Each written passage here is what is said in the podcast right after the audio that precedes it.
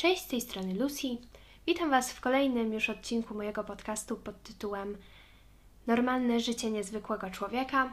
Dzisiaj opowiem Wam troszkę o tym, jak się dorasta, gdy się nie jest ani ładnym, ani szczupłym. Czyli w sumie witam w moim życiu. Na początek chciałam Wam powiedzieć o tym, że no, życie nastolatka nie jest proste.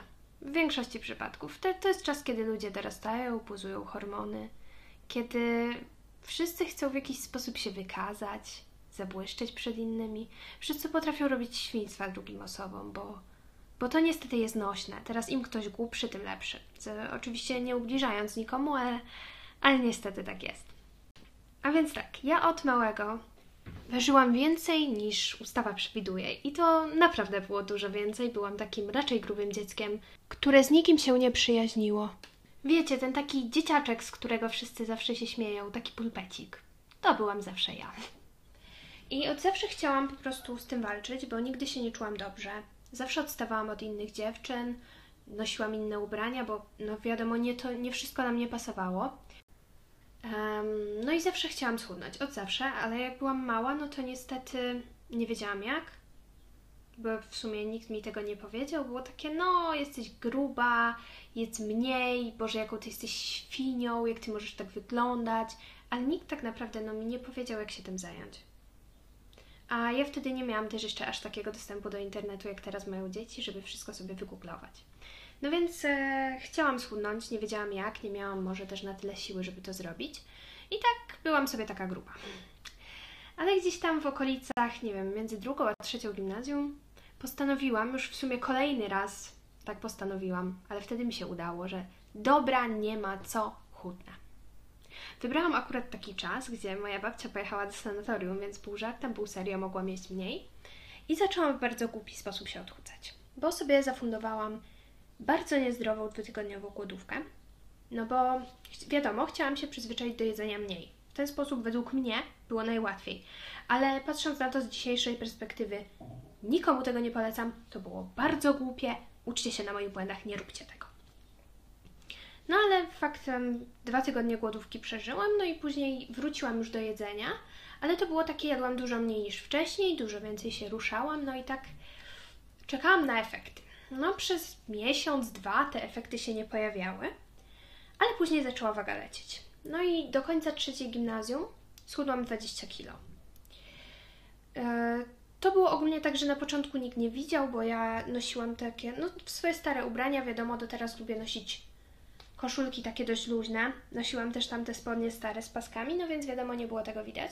Dopiero na zakończeniu yy, szkoły wiele osób zobaczyło.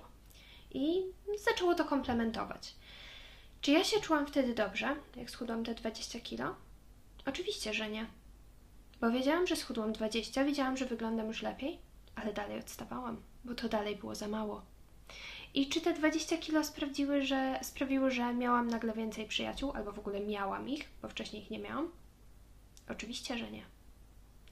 Bo ja dopiero się zorientowałam później o tym, nie wiem, gdzieś w drugiej klasie liceum. Zdałam sobie z tego sprawę, że problem nigdy nie był w moim wyglądzie. Mówię, dopiero jak poszłam do liceum, bo jestem z takiej, z takiej typowej polskiej wiochy, gdzie mało się widzi, i dopiero jak poszłam do liceum, do miasta, jak zobaczyłam różnych ludzi, którzy byli różnych rozmiarów, różnego wyglądu, to zauważyłam, że problem nigdy nie był w mojej wadze. Problem zawsze był w mojej głowie. Bo mi się wydawało, że ja, będąc, ważąc więcej, będąc brzydszą troszeczkę od innych dziewczyn, jestem gorsza. I ja nie umiałam zaakceptować sama siebie, nie miałam tej takiej pewności siebie, że super, idę do dziewczyn, bo jestem równa z nimi. Nie, ja nigdy czegoś takiego nie miałam, przez co nigdy nie byłam szczęśliwa. I dopiero właśnie w, w okolicach tej drugiej klasy liceum, jak ja zrozumiałam, że jeśli chcę być szczęśliwa w życiu, to muszę się zaakceptować, to dopiero wtedy moje życie zaczęło się zmieniać na lepsze. Bo dopiero wtedy zrozumiałam, że ja tak naprawdę nigdy nie byłam gorsza. Bo to, że, bo to, że ważę więcej, to, że wyglądam inaczej, nie powoduje, że jestem gorsza. Bo jestem wyjątkowa, każdy z nas jest. I nigdy nie powinniśmy sami sobie przypinać łatek. Powinniśmy odpinać te, które przypinają nam inni. bo wszyscy jesteśmy cudowni. Nieważne ile ważymy, nieważne jak wyglądamy. I zawsze powinniśmy o tym pamiętać.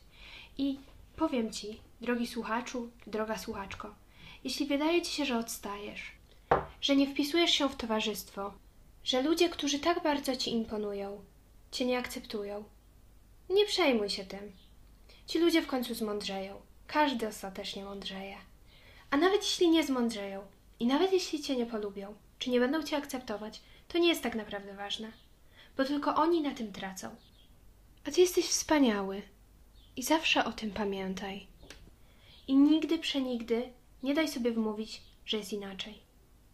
I się szanuj, bo jeśli Ty nie będziesz się szanował i Ty nie będziesz szczęśliwy, to nikt Cię nie będzie szanował i nikt Cię nie uszczęśliwi. A Ty zasługujesz na szczęście i na cudowne życie.